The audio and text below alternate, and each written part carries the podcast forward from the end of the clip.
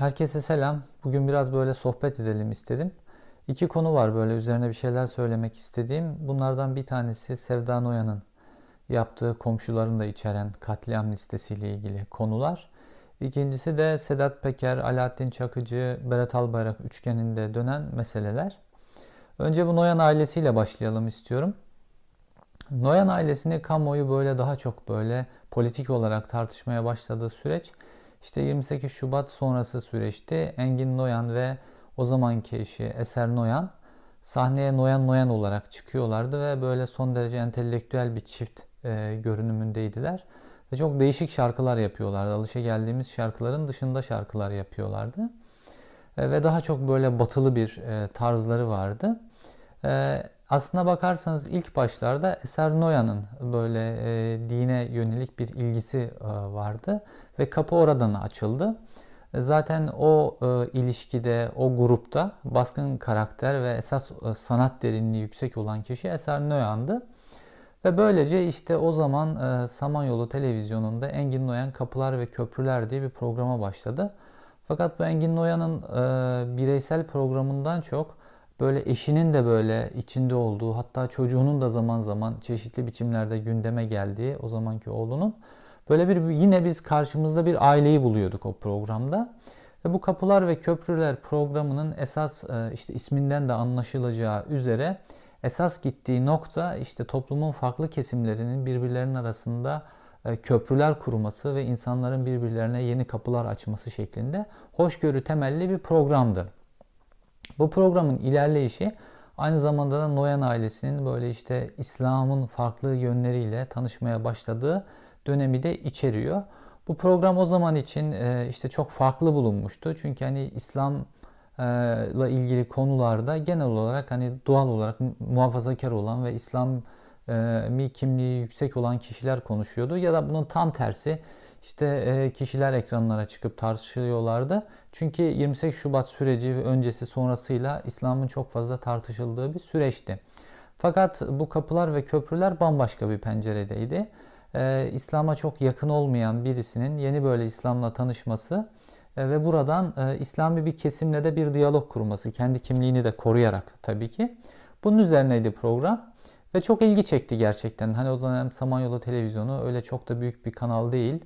E, hatta birçok kesim tarafından 28 Şubat şartlarında marjinal bir kanal olarak görülmesine rağmen bu program ilgi çekmişti. İşte bu Noyan ailesinin e, varlığı nedeniyle. Tabi zaman içerisinde e, Noyan ailesi diğer İslamcı isimlerin de ilgisi, İslamcıların daha doğrusu ilgisini çekmeye başladı. Çünkü İslamcılar da özellikle o yıllarda böyle hala da devam eder böyle entelektüel kesime karşı belli bir kompleks vardır. Böyle entelektüel kesimden birilerini böyle çok yüceltirler. Hele de böyle sonradan böyle onlara böyle yaklaşan birileri olmuşsa onu böyle aşırı yüceltirlerdi. Bu komplekslerden kaynaklanıyor. Ve Engin e, Noyan'la da, Noyan ailesiyle de İslamcı kesim de e, ilişki kurmaya başladı. İşte onların İstanbul'da belli mekanları vardır. Oralara davet etmeler vesaire.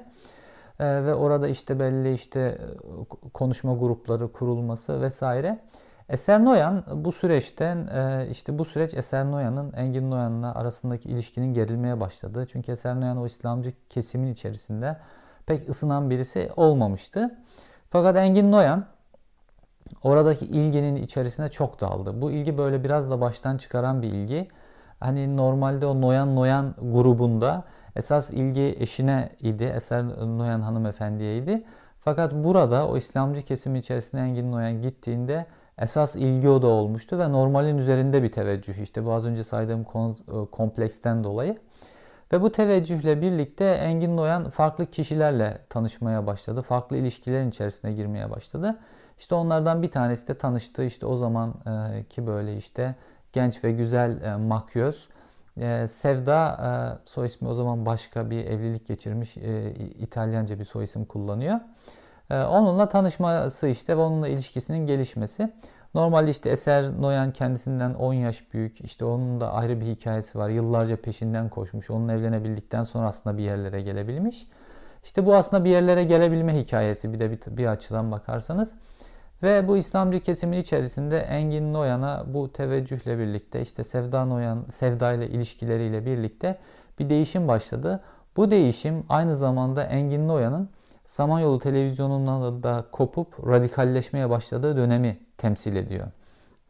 O dönem e, Kanal 7 Engin Noyan'ı Samanyolu televizyonundan bir e, transfer şeklinde almadı aslına bakarsanız. Bu Engin Noyan'ın bir düşünceden başka bir düşünceye böyle geçişini de temsil eder. Çünkü e, radikalleşmeye başladı, düşünceleri keskinleşmeye başladı Engin Noyan'ın bu süreçte. Ve bu süreçte de birlikte Eser Noyan'la olan ilişkileri koptu ve ayrıldılar.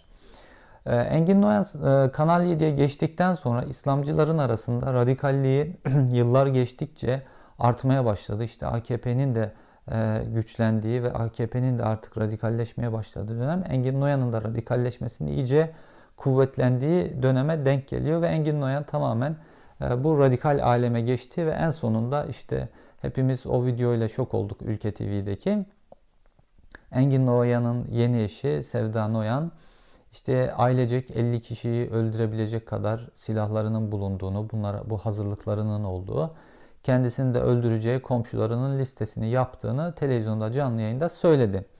Ee, bu hani böyle bir canlı yayın kazası falan da değil. Daha sonra e, işte başka bir YouTube e, yayınına çıktı. Cüneyt Özdemir'in YouTube yayınına. Aynı düşüncelerini orada da söyledi. Ve sonunda hani bu komşular bir e, polemik de oldu. Bu ilk önce bu komşularla ilgili ya da 50 kişilik katliam listesiyle ilgili bunlar hani seküler kesim ve kemalistler üzerlerine çok alındılar. Sonra orada açıklama yaptı. Dedi ki benim bu komşularım işte e, tırnak içerisinde FETÖ'cü e, dediği kişiler e, onları öldürecekmiş yani herhangi bir şey olması durumunda. Şimdi bu çok önemli bir şey. Bu, bu sembol küçük bir örnek bu. Fakat bu küçük örnek Türkiye'de İslamcıların radikalleşmesini de anlatması açısından son derece değerli. Normalde Hani 28 Şubat sürecinden önce de 28 Şubat sürecinden sonra da işte Milli Görüş Hareketi dediğimiz kesim e, hani böyle silahla vesaire işi olan bir kesim değildi. Hani böyle cihat vesaire bu konuyla ilgili radikal fikirleri vardı. Ve hani Türkiye'deki rejimin işte değişmesiyle ilgili Erbakan'ın meşhur laflarının kapsamında bazen de e, işte Şevki Yılmaz gibi kişilerin böyle çok radikal çıkışları vardı ama genel olarak milli görüş kendi iç barışını ya da barışçı söylemini mümkün olduğunca korudu. Fakat e, AKP'ye geçtikten sonra Bayrak, e, Adalet ve Kalkınma Partisi'nin Türkiye'deki İslamcıların temsilcisi olmasıyla birlikte iş yavaş yavaş değişmeye başladı. İşte hikayeyi biliyorsunuz. İlk yıllarda Adalet ve Kalkınma Partisi Avrupa Birliği e, vizyonuyla ilerleyen, Avrupa Birliği yasalarını, reform paketlerini peş peşe çıkaran ve bu nedenle de Türkiye'de işte liberalinden, demokratına, cemaatinden e, e, İslam'ın ya da muhafazakar kesimin çeşitli e, fraksiyonlarına kadar hatta bazen solcuların desteğine kadar destek buldu ve geniş kesimlere yayıldı. Fakat özellikle Suriye Savaşı ile birlikte e, işte Tayyip Erdoğan'ın Ahmet Davutoğlu faktörü de dahil olmak üzere yeni Osmanlıcı fikirlerinin doğmasıyla birlikte bu gömlek de çıktı bu sefer ve AKP'nin işte Suriye Savaşı ile birlikte radikalleşmeye başladığı dönem e, başladı. Burada Suriye'ye sevk edilen silahlar, e, bu silahların sevk edilmesi biçimiyle birlikte kurulan işte Sadat gibi örgütlerin e, faktörü de var. Gücün tamamen ele geçirilmesi ile ilgili faktör de var. Fakat zaman içerisinde AKP'li kesim, tabii ki AKP'ye oy verenlerin hepsini demiyorum. Fakat AKP'den e, nemelanan ve şu an mevcut bulunduğu gücü e, sadece AKP iktidarda olduğu için sahip olabilen bir kesim var. Bu kesim ciddi anlamda radikalleşti ve işte silahlanma dediğimiz kesim bu e, silahlanma dediğimiz şey bu kesim arasında başladı. Mesela örnekler verelim. İşte 25 Haziran seçimlerinden sonrayı hatırlayın mesela. Ee, sokağa insanlar çıktılar, silahlı kutlamalar yaptılar. Bildiğiniz ağır otomatik tüfekler, uzun menzilli tüfekler yani normalde insanlarda bulunmaması gereken tüfekler. 15 ee, Temmuz sonrası paylaşılan fotoğrafları hatırlayın. İşte AK Parti il merkezlerinde böyle otomatik tüfekli e, siviller yani il başkanı, il başkan yardımcısı, gençlik kolları başkanı otomatik tüfekler. Bu tüfekler nereden gelmiş, nasıl olmuş? Bir hazırlığın göstergesi, bir, bir radikalleşme süreciyle birlikte olan bir şey aslında e, silahlanmak. Radikalleşmeye başladığınız zaman aynı zamanda da silahlanırsınız bir biçimde. Ve e, işte en sonunda e, işte e, Sevda Noyan'ın da itirafına kadar bu nokta geldi. Hatta işte 15 Temmuz'la ilgili bazı yargılamalar olmuştu. Bu yargılamalarda böyle AKP'li milletvekillerinin bellerinde silahla filan duruşma salonuna girdiklerini ve böyle hani silah gösterdiklerini filan da gördük. Bu bir hazırlığın göstergesi. Onun dışında tabii ki AKP'li belediyelerin de bunlarda çok faktörü var. İşte AKP'li belediyeler, işte mesela Yozgat Belediyesi gibi pek çok belediye özel harekat kursları düzenledi. Ne hikmetse, ne gereği varsa, belediyenin ne işiyse bu. Bu özel harekat kurslarında insanlara silah e, eğitimi verildi, silah kullanma eğitimi verildi. Hatta çeşitli kamu görevlileri işte Cumhurbaşkanlığında çalışan basın müşavirinden tutun da bilmem kime kadar fotoğrafçısına kadar bunlar böyle silahla eğitim yaparken fotoğrafları çıktı kamuoyuna. Ee, ya böyle bir radikalleşme söz konusu. Peki bu silahlanma ne düzeydedir? Yani ben özellikle az önce söz ettiğim gibi AK Parti'den nemalanan ve gücünü AK Parti sayesinde koruyan kişilerin e, belli bir ölçüde silahlandıklarını, silah bulundurduklarını artık düşünüyorum. Tabi bu aynı zamanda AK Parti'nin işte son yıllardaki 2015 yılından sonraki özellikle artık milliyetçiliği de İslamcılıkla birleşmeye, tirmeye başladığı, birleştirdiği dönemle birlikte de iyice arttı. Çünkü milliyetçi söylemler de aynı zamanda radikalliği arttıran ve insanları silahlanmaya iten söylemlerden bir tanesi. E, ve fakat özellikle e, Engin Noyan ailesinde de gördüğümüz gibi adım adım e, radikalleşme söz konusu burada. Ama mesela Türkiye'de yani çok eleştiriliyor, çok tartışılıyor ama işte cemaate yönelik mesela 500 bin kişi hakkında soruşturma başlatıldı. Fazlalar halinde 130 bin kişiye yakın insan tutuklandı, bırakıldı, tutuklandı, hala devam ediyor. Bu insanlara pek çok polis operasyonları yapıldı, evleri basıldı. Bu insanların ne birinden herhangi bir silah çıktı, ne bu insanlardan herhangi bir tanesi polise e, muha, polise karşı durdular, polise direnç gösterdiler. E, yani e, bu kesim aslına bakarsanız işte o Kapılar Köprüler programında da olduğu gibi e, İslam'ın hümanist yönünü temsil eden insanlar aslına bakarsanız. E, fakat bu kesimin işte İslam'ın humanist yönünü temsil eden bu kesimde işte 15 Temmuz'la birlikte onlara da öyle bir kara çalındı ki bunlar bu fraksiyon Türkiye'deki bu fraksiyon yok edildi. Yani tartışmalı biçimde ne olduğu anlaşılmaz biçimde insanlar evlerinde otururken bir anda darbeci ilan edilmiş oldular. Yüz binlerce insan. Ve Türkiye'de artık bu fraksiyonda yok. Yani o Kapılar ve Köprüler programının o temsil ettiği hoşgörü e, fraksiyonu da artık Türkiye'de yok. Dolayısıyla İslamcılık, e, İslam, e, dindarlık, muhafazakarlık Türkiye'de şu an sadece İslamcıların tek eline bırakmış, bırakılmış durumda. Ve işte Diyanet İşleri Başkanlığı'nın da e, bu kalesinin de tamamen fethedilmiş olması, kadrolarının da değiştirilmiş olması kendilerine göre bu İslamcılığı da devlet eliyle de besleyen, bu radikalliği de devlet eliyle besleyen bir noktaya geldi. Ve Türkiye'de İslamcılar radikalleşti. Ee, ve e, silahlanma da bunun işte parçalarından bir tanesi. E, ve bir hazırlık yapılıyor böyle kısa e, bir süre önce iyice alevlendirildi bu. Böyle bir gün gelecek, bir şey olacak ve onlar hazırlar o güne. İşte o gün e, listeleri de hazır. Birilerini işte öldürecekler, katledecekler, e, pişman edecekler işte kendilerine bir şey yapmak isteyenlere. Ve bu sopayı işte kimi zaman cemaat üzerine kullanıyorlar, kimi zaman Kemalistler üzerine kullanıyorlar, kimi zaman CHP üzerine kullanıyorlar ve sürekli olarak biz hazırız. Silahlarımız hazır, listelerimiz hazır. Her şeyle toplum üzerindeki bu korkuyu, baskıyı, şiddeti arttırıyorlar. Gerek toplum üzerinde, gerek devlet e, yapılanması üzerinde ve buna bağlı olarak da çeşitli yapılar kuruyorlar. İşte bu yapılardan bir tanesi Sadat, Sadat'tı. İşte sonra Osmanlı Ocakları denen bir şey çıktı. Sadat daha profesyonel içinde emekli askerler, işte polisler vesaire silah kullanmayı ya da silahlı mücadeleyi bilen kişiler ve bunların eğittiği kadrolar oldu tabi. Ve bunun dışında bir de tabii ki işte toplumda özellikle böyle herhangi bir iç karışıklıkta silah kullanabilecek ya da sokağa salabileceğiniz insanları elinde tutan kişiler, bunlarla e, bağlantıları olan kişiler işte yeraltı dünyasının ünlü isimleridir. Bir taraftan da yeraltı dünyasını e, Erdoğan rejimi ele geçirmeye başladı. Bunlar e, işte ilk başta bu yeraltı dünyasıyla çok ilişkileri yokken ilk başta bu köprüyü e, Sedat Peker üzerinden e, kurmak e, istediler ve kurdular. Hatırlarsınız işte Sedat Peker'i cezaevinden tahliye ettirdiler. Sonra Sedat Peker hani mafya lideri bir adam.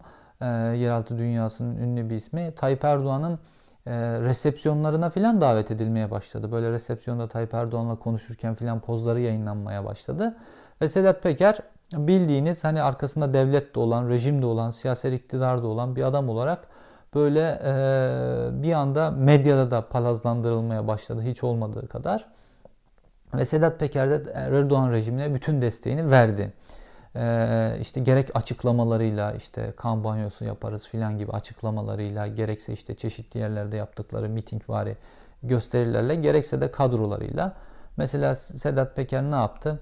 Ee, işte bir dönem Ahmet Hakan mesela Tayyip Erdoğan rejimini çok eleştiriyordu. İşte Ahmet Peker'in adamlarından bir tanesi işte gitti Ahmet Hakan'ı dövdü. Ondan sonra Can Dündar mesela e, Erdoğan rejiminin canını çok yakan bir şeydi. İşte birisi geldi Can Dündar'ın adliye önünde işte ayaklarına doğru kurşun sıktı filan. Böyle baskı altına insanları almada da bir aparat olarak kullanıldı. Fakat e, sonra işler değişmeye başladı. E, artık Erdoğan böyle bir vekalet savaşı yürütür farklı alanlarda. Sonra bu vekalet savaşı yürüttükten sonra bir nokta sonra o vekili yok eder Erdoğan ve o alanı artık tamamen kontrol eline geçirmiştir. Yani o vekille o alanı temizler aslına bakarsanız. Yani işbirliği yaptığı kişiyi o işbirliği yaptığı alanı tamamen e, temizledikten sonra diğer düşmanlarından o işbirliği yaptığı kişiyi ilk başta yer. Tayyip Erdoğan'ın stili budur. İşte yeraltı dünyasında da belli bir noktaya kadar etkin olduktan sonra, o dünyayı da öğrendikten sonra artık dediler ki bu işte yeraltı dünyasının kalbi biliyorsunuz İstanbul'da atar. Burası artık bizim. İşte İstanbul'un da e, Sancak Bey'i işte bu İstanbul'daki bu e, illegal yapılanmaları da ya da gri yapılanmaları da ele geçirecek kişi olarak seçilmiş adam da Berat Albayrak'tır. Ve Sedat Peker geçtiğimiz günlerde bir e, video yayınladı. O videosunda işte Karadağ'da yaşıyor biliyorsunuz Sedat Peker. E, Karadağ'a gitti. Ve işte ilk başta demişti ki işte eğitim ve ticari faaliyetlerim, sağlık vesaire gidiyorum. Son videosunda dedi ki e, bu eğitim, ticaret falan filan bunlar doğrunun %10'luk kısmı ama büyük kısmını açıklayacağım e, dedi ve e, Berat Albayrak beni yok etmek istiyordu, bitirmek istiyordu, ömrüm boyunca hapse atmak istiyordu. Bununla ilgili işte bana bir kayıt getirildi. Ben bu kayda baktım. İşte e, UYAP'ta benim ismim girilmeden farklı bir isme dosya açılmış, hakkımda çalışma var. Ben tutuklanacaktım ve bu nedenle Karadağ'a geldim. Kendisi de anlamıyor ilk başta. Diyor ki ya ben ilk anlamadım Berat Albayrak'ın benimle ne işim olur, benim onunla bir düşmanlığım olmamış filan. Ee, yani sonra tabii bunu fark etmiş tabii sonradan. Berat Albayrak artık yeni baron, baron benim diyor. İstanbul'un yeni baronu benim diyor Berat Albayrak. E bu nedenle de İstanbul'daki şu an yaşayan işte kendine göre bir en büyük baron diye düşündüğü e, Sedat Peker'i tasfiye ediyor. Fakat burada ilginç bir şey daha oldu. İşte bu koronavirüs nedeniyle e, e, çıkanlardan bir tanesi de Alaaddin Çakıcı'ydı. Bu esas barondur. Hani Türkiye'de yaşayan esas baron budur. Yani şu an Türkiye'de yaşayan yeraltı dünyasında en ağırlı olan kişi kimdir dersen odur. Çünkü o çok farklı bir kuşağı temsil ediyor geçmişten gelen. O kuşağın bu babalarının ağırlıkları da devletle ilişkileri de iş yapma biçimleri de farklıdır. Sedat Peker onlara göre tıfıl kalıyor. Her ne kadar kendisini onunla kıyaslasa da e, tabii Çakıcı'yı çıkarmak için Devlet Bahçeli çok uzun zamandır e, efor harcıyor. Birkaç yıldır bu af konusunu e, belli terör suçları hariç tutarak e, gündeme getiriyor, getiriyor, getiriyor. Ve en sonunda işte bu korona münasebetiyle de korona sayesinde Çakıcı'yı çıkardı. Şimdi Çakıcı çıkınca e, bir baron var artık. Yeni baron ilan etmiş kendini. E, e, damat Berat Albayrak bir de Çakıcı denen bir baron var. Şimdi ülkücüler e, ya da Devlet Bahçeli de kiminle ne zaman kapışacağına falan çok iyi bilen birisi. Ve e, işte bu Serhat e, e, Sedat Peker Berat Albayrak'la ilgili bu açıklamayı, videoyu yayınladıktan hemen sonra, iki gün sonra e, Devlet Bahçeli bir flot dizisi yaptı. Flot dizisinde işte CHP'yi yerden yere vuruyor. Ekonomi konusunda özellikle CHP'nin ekonomi konusunda söyledikleri. Ve Berat Albayrak'a destek çıkıyor ve Berat Albayrak'ı çok başarılı bulduğunu söylüyor. Yani bayram değil, seyran değilken hani bir anda bu çıkış neden? Çünkü CHP'nin ekonomiyle ilgili hep eleştirileri var zaten. Ee, şu an hani o Berat Albayrak'a uzatılan bu el aynı zamanda bir bakıma da e, Çakıcı'nın eli aslına bakarsanız. Ve onlar hani tamam Sedat Peker gitti işte Çakıcı geldi. O Çakıcı'nın yeniden alana yerleşmesi için Çakıcı'nın da zamana ihtiyacı var. Şimdi tabii ki e, ortaklık nedeniyle bir ortaklık var MHP ile AKP arasında. Bu ortaklıkta bir alverler var. Yani e, MHP siyasi olarak işte oy olarak desteğini sağlayarak şu an iktidarı tutuyor. E, fakat bunun karşında da MHP bürokraside, ekonomide e, işte ve illegal gri alanlarda filan yeniden palazlanıyor ve güçleniyor. Daha da güçleniyor. Zaten bir gücü vardır her zaman. Bürokrasi ülkücülerin ve MHP'nin. Bu daha da arttı son yıllarda. Çok arttı. Ee, bu alverler içerisinde olarak çıktı Alaaddin Çakıcı. Aslında çok öyle hani Tayyip Erdoğan istediği bir konu değil. Ama çıktı bu biçimde. Bir biçimde. Şimdi Çakıcı'nın da işte bu ülkücülerin yeniden yayıldığı bir ortamda e, Devlet Bahçeli ile arası en iyi olan insanlardan bir tanesi yeryüzündeki Çakıcı'nın e, işte uzun yıllar cezaevinden çıkmış birisinin yaşayacağı bir sersemlik vardır. Çakıcı'nın yeni düzene, yeni işlere, yeni işleyişe vesaire adapte olması, ekiplerini kurması vesaire için zaman zaman lazım. Ki bu ayrışma hani Tayyip Erdoğan bir reis modeli olarak da çıkıyor. Ve bu reis söylemi ve reis modeli e, ülkücülerden de bir taban apartmak için de kullanılıyor. Hani e, ülkücülerin de hoşuna gidebilecek böyle bir delikanlı tarzı böyle reis e, jargonunu kullanması var ama genel olarak ülkücülerle İslamcılar arasında geçmişten beri bir kavga vardır ve ülkücüler İslamcı fraksiyonların hiçbirisini sevmedikleri gibi hani bu cemaatler, tarikatlar filan bunları da hiç sevmezler. Çünkü bürokrasideki bütün alanı kaplamak isterler. Bürokraside e, bir ülkücü bir yere genel müdür olduğunda e, orada yani ülkücülerin dışında çaycı bile giremez o kuruma artık böyle. Bütün kurum ülkücü olur. E, ülkücülerin raconu budur yani. Ve dolayısıyla farklı insanlara, farklı tipteki insanların bürokraside olmasını hiçbir zaman istemezler. İslamcıların şu an bürokrasideki yaygınlığı şu anki işbirliği nedeniyle ülkücüleri için problem teşkil etmese de temelde ülkücüler İslamcıları sevmezler. Ve ülkücüler de İslamcılarla bir gün geleceğini ve o günün bir kavga getirebileceğini hesaplıyorlar. Dolayısıyla her kesim kendi hazırlığını yapıyor. Ee, işte e, basit bir mahallede yaşayan İslamcı, Sevdan Uyan gibi o kendi silahlarını öldüreceği insanların listesini yapıyor. Makro planda ise e, işte e, Berat Albayrak İstanbul'daki baronluğu kuruyor. Bütün alanları İstanbul'u bütün alanlarıyla ele geçirmeye çalışıyor. E, onun dışı onun karşılığı olarak da işte ülkücüler de toplumun diğer kesimleri de kendilerine göre ya da ulusalcılığa Ergenekon ulusalcı karışımı dediğim kesimde onlar da kendi hazırlığını yapıyor. Ha ileride bir şey olacak mıdır? Bu kesimler arasında bir çart, çatışma, bir kavga, bir gerilim olacak mıdır? Bunun bunu bilmiyoruz. Şartların neler getireceğini bilmiyoruz. Fakat herkes hazırlığını yapıyor. Hani herkes gardını alıyor. Herkes kendine göre alan açıyor, alan tutuyor, farklı hazırlıklar yapıyor. Ve bu gün gelirse eğer ve bu güne hazır olarak girmek istiyor. Çünkü Tayyip Erdoğan'ın e, hazır olmayanlara neler yaptığını gördüler. E, dolayısıyla herkes hazırlığını yapıyor. E, bu e, tabii Tayyip Erdoğan da şu an artık toplumda e, kavga edeceği kesimler çok azalmış durumda. Bu kavga edeceği yeni kesimlerin e, e, ya mesela cemaat tabanıyla kavga etmek gibi olmayacağını biliyor. Hani böyle gidip de kuzu kuzu bunları gözaltına alamam ya da bunları toplayamam bunları biliyor. Bunlarla büyük bir kavgaya girdiğimde bunların da yapacakları şeyler var. Bunu bildiği için işte toplum kendi kesimindeki bu silahlanma, listeler çıkarma vesaire işini bu nedenle ya bu nedenle yaptırıyor. Bu seferki potansiyel düşman farklı diyelim. Ee, yoksa listeleme işi işinde pratiği e, aslına bakarsanız cemaat üzerine yapmışlardı. E, işte memur sen üzerinden özellikle çünkü hani bürokrasi kadrosu onlar için önemliydi. Memur sen üzerinden. Memur sen sessiz sessiz sessiz 2011'den başlayarak e, çalıştı çalıştı çalıştı bütün listeleri hazırladılar. Ve işte 15 Temmuz'un akşamında hani bir anda 20 bin öğretmenin işten atılması, 5 bin tane hakim savcının vesaire bu listeler nereden çıktı ortaya? hani devletin kurumlarını çalıştırıp da hani böyle sadece MIT'i falan bu listeleri yapmış değiller. Bu listeleri memur sen yaptı. Yani her İslamcı bürokrat odasında beraber çalıştığı yan odasındaki çalışan memuru e, kim olduğunu, sağcı mıdır, solcu mudur, laik midir, CHP'li midir, cemaatçi midir? Bunların hepsinin listesini yapmış durumda ve bu listelerin hepsi de e, saray yönetiminde işte AKP yönetiminde vardı. O sadece o listelerin elinden bilgisayara bir tuşa bastılar. Cemaat kadrolarını seçtiler ve her kurumdan tak tak tak tak onların hepsini ihraç ettiler. Ve sonra da bunların doğrultusunda e, tutuklamalar e, dalgası başladı.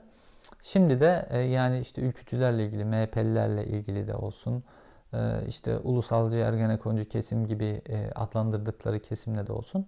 Bu listeleri yapmışlardır. Bu listeler her kurumda yapılmıştır. Emniyet teşkilatının içerisinde de yapılmıştır.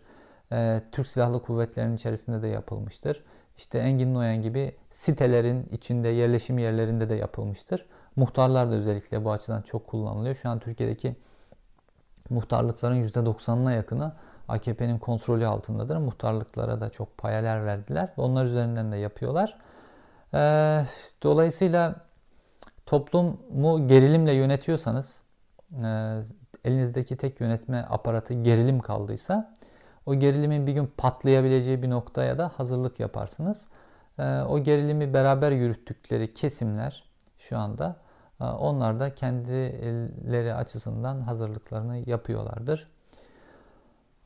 Evet Türkiye maalesef işte böyle bir türbülansa girmiş durumda. İşte dünyanın farklı yerlerinde insanlar farklı şeylerle uğraşıyor.